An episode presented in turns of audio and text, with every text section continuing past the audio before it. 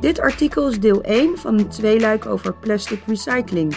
In deel 2 komt chemische recycling aan bod. Waarom verbranden we nog steeds plastic afval?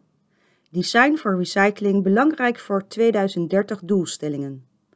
Om klimaatdoelstellingen te halen moet er fors meer afvalplastic worden gerecycled, mechanisch en of chemisch. De klassieke mechanische recyclers zetten in op design voor recycling, ontgassen en filteren en een vleugje chemie. Maar economische urgentie voor een hogere kwaliteit ontbreekt nog.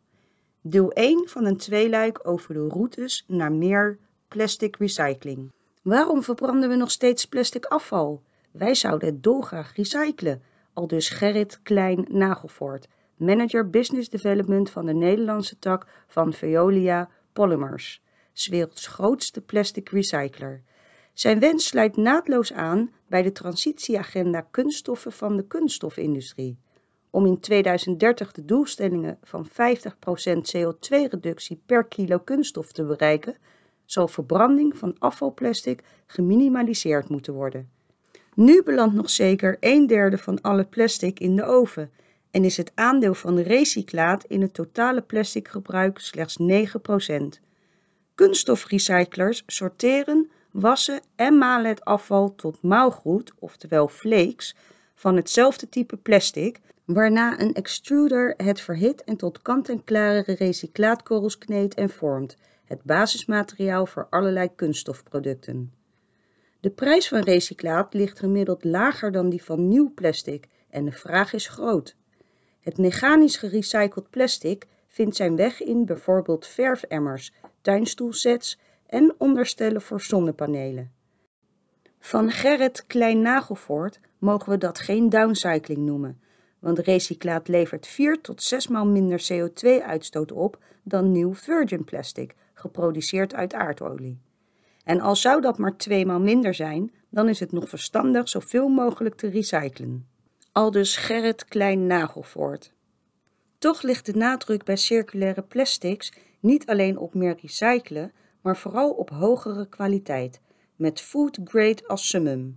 Doel van het Circular Plastics Initiative is kunststof opnieuw toe te passen in de oorspronkelijke toepassing, vertelt Ronald Korstanje, programmamanager Circular Plastics Initiative bij het Dutch Polymer Institute. De komende jaren is in totaal 540 miljoen beschikbaar voor onderzoek. Honderden onderzoekers gaan aan de slag met als doel recyclaat van hoge kwaliteit te maken. Want wie nu bijvoorbeeld zoekt naar gerecycled polyethyleen met goede transparantie, zoekt te vergeefs. De extra kosten om hogere kwaliteit recyclaat te leveren verdient een recycler niet snel terug, zegt Korstanje. Dat komt ook omdat klimaatkosten in virgin plastics niet worden doorberekend. Ook al dwingt de markt recyclers als Veolia niet zozeer richting hogere kwaliteit, Klein Nagelvoort ziet genoeg mogelijkheden om recyclaat van hogere kwaliteit te produceren. Bijna een kwart van de polypropyleenproducten komt bij de sorteerder niet in de juiste bak en belandt in een mengfractie. Meer plastic zou in de juiste bak moeten vallen en daar zou elke verpakking op ontworpen moeten zijn. Niet-functionele vulmiddelen mogen wat hem betreft ook de wereld uit, te beginnen met glasvezel en siliconenkit. Beide een ramp voor het machinepark van recyclers. Circpac, een losstaand adviesbedrijf van Veolia, helpt producenten van kunststofverpakkingen materiaal- en ontwerpkeuzes te maken die recycling vergemakkelijken. Circpac organiseert bijvoorbeeld masterclasses en levert advies op maat. Directeur Vincent Mooi. Er is nog steeds veel laaghangend fruit te plukken. Tubus kun je behandelen met een spray, zodat je ook de laatste restjes mayonaise eruit knijpt. En denk aan wateroplosbare lijm voor etiketten. En een petschaaltje is bij voorkeur uiteraard afgesloten met een petfolie. Het gaat niet alleen om materiaalkeuze. In het sorteerproces worden verpakkingen naar infrarooddetectie van het type materiaal in de juiste richting geblazen. Kantelt een tube of fles door een zware dop, dan gaat het mis. Het zwaartepunt van een verpakking is dus ook belangrijk. Mooi zegt, Sommige veranderingen zijn snel door te voeren, maar een echt goed uitgedacht design voor recycling kan ook een hele nieuwe verpakkingslijn betekenen. Die investering wordt vaak uitgesteld totdat de lijn aan vervanging toe is. Ulphard Toden van Velsen, onderzoeker aan de Wageningen Universiteit, monitort de recyclebaarheid van Nederlandse verpakkingen. Het aandeel goed recyclebare verpakkingen, 27%, blijkt sinds 2014 constant gebleven. Zo'n 29% is nu beperkt recyclebaar, wat betekent dat ze met kleine veranderingen prima te recyclen zijn. Daar is dus nog flink vooruitgang te boeken. Voor een kwart van de verpakkingen geldt dat recyclebaar maken lastig is, omdat ze bijvoorbeeld uit meerdere dunne lagen bestaan. En voor het overige afvalplastic moet nog een goed sorteer- of recycleproces worden ontwikkeld. Hoewel design voor recycling belangrijk is om de 2030 doelstellingen te halen, zijn er nauwelijks wettelijke verpakkingseisen voor herbruikbaarheid. Op Europees niveau is er Recycless, een goed beschreven toets- en certificeringssysteem, vertelt Mooi, waarbij een klasse A-notering voor je verpakking een lagere afvalbijdrage zou moeten opleveren. Het systeem zou een mooie basis zijn om beter recyclebare verpakkingen te stimuleren, waarbij elk land ook nog zelf eigen regels kan hanteren. Tot nu toe is het echter niet gelukt iedereen achter een dergelijke regeling te scharen. En dat leidt tot recyclerampen.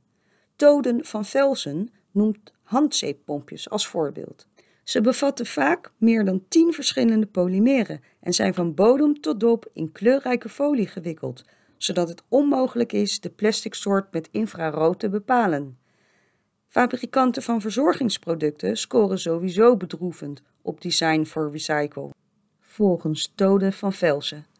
Maar liefst 70% van shampoo- en zeepverpakkingen hebben grote, niet verwijderbare labels en zijn daardoor niet te sorteren.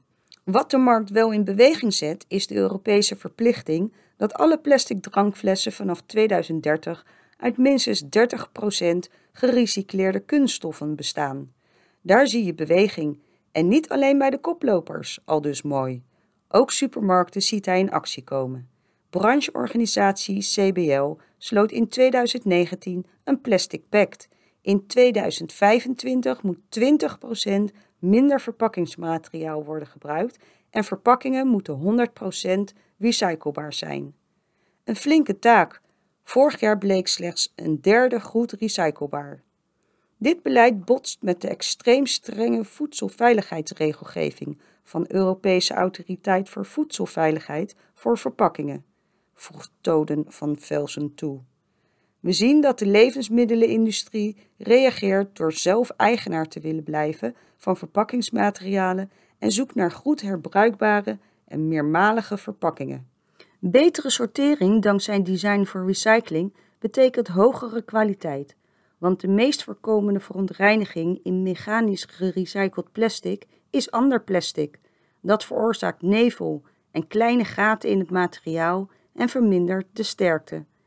Veel voorkomende andere verontreinigingen zijn aluminium en verbrand papier. 95% van vervuilingen is voorspelbaar. 5% zijn verrassingen, zegt Toden van Velzen. Recyclers halen nu 30 tot 70% van de vervuiling eruit. Dat moet eigenlijk naar 90% Er zijn verschillende manieren om vervuilingen na sortering nog kwijt te raken. Bij het extruderen verdampen laagmoleculaire vluchtige stoffen die worden afgevangen, oftewel vacuümextrusie, en de smelt wordt door filtratieplaten geperst om vaste deeltjes te verwijderen. Geavanceerder is het wassen van gesmolten plastic, wat ook de geur en de kleur sterk verbetert, vertelt Jan Buis, sales representative van Kraus Maffei, producent van extrusiemachines voor recycling.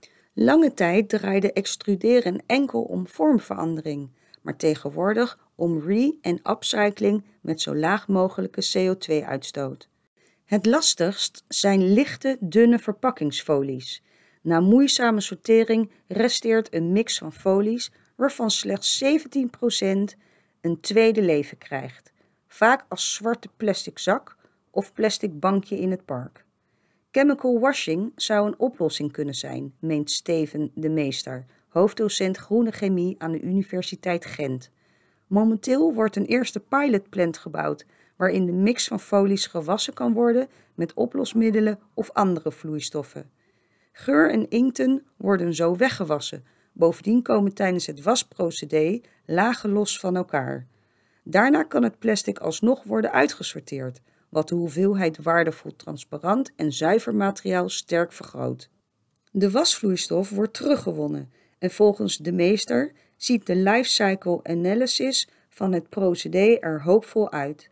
Het chemisch wassen werkt in combinatie met geavanceerd sorteren, wat van mechanische verwerkers een stap richting chemie vraagt. Een nieuwe strategie voor vervuild en lastig mechanisch te verwerken plastics is chemische recycling, waarbij kunststoffen gedeeltelijk of helemaal worden opgebroken in bouwstenen die worden gezuiverd en opnieuw gebruikt.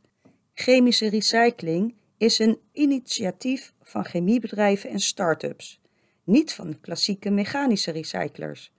De complexiteit van plastic recycling wordt vaak onderschat, zegt Korstanje. Je kunt dit probleem niet technologisch platslaan. Het Circulair Plastics Initiative zoekt daarom samenwerking met alle partijen in de complexe keten en kijkt naar alle opties. Naar nieuwe polymeren die eenvoudiger te recyclen zijn, ook biobased, naar design voor recycling en naar de kunststoffen die we momenteel gebruiken en moeten recyclen, mechanisch en chemisch. Dit artikel is ingesproken door Chemie Magazine Audio.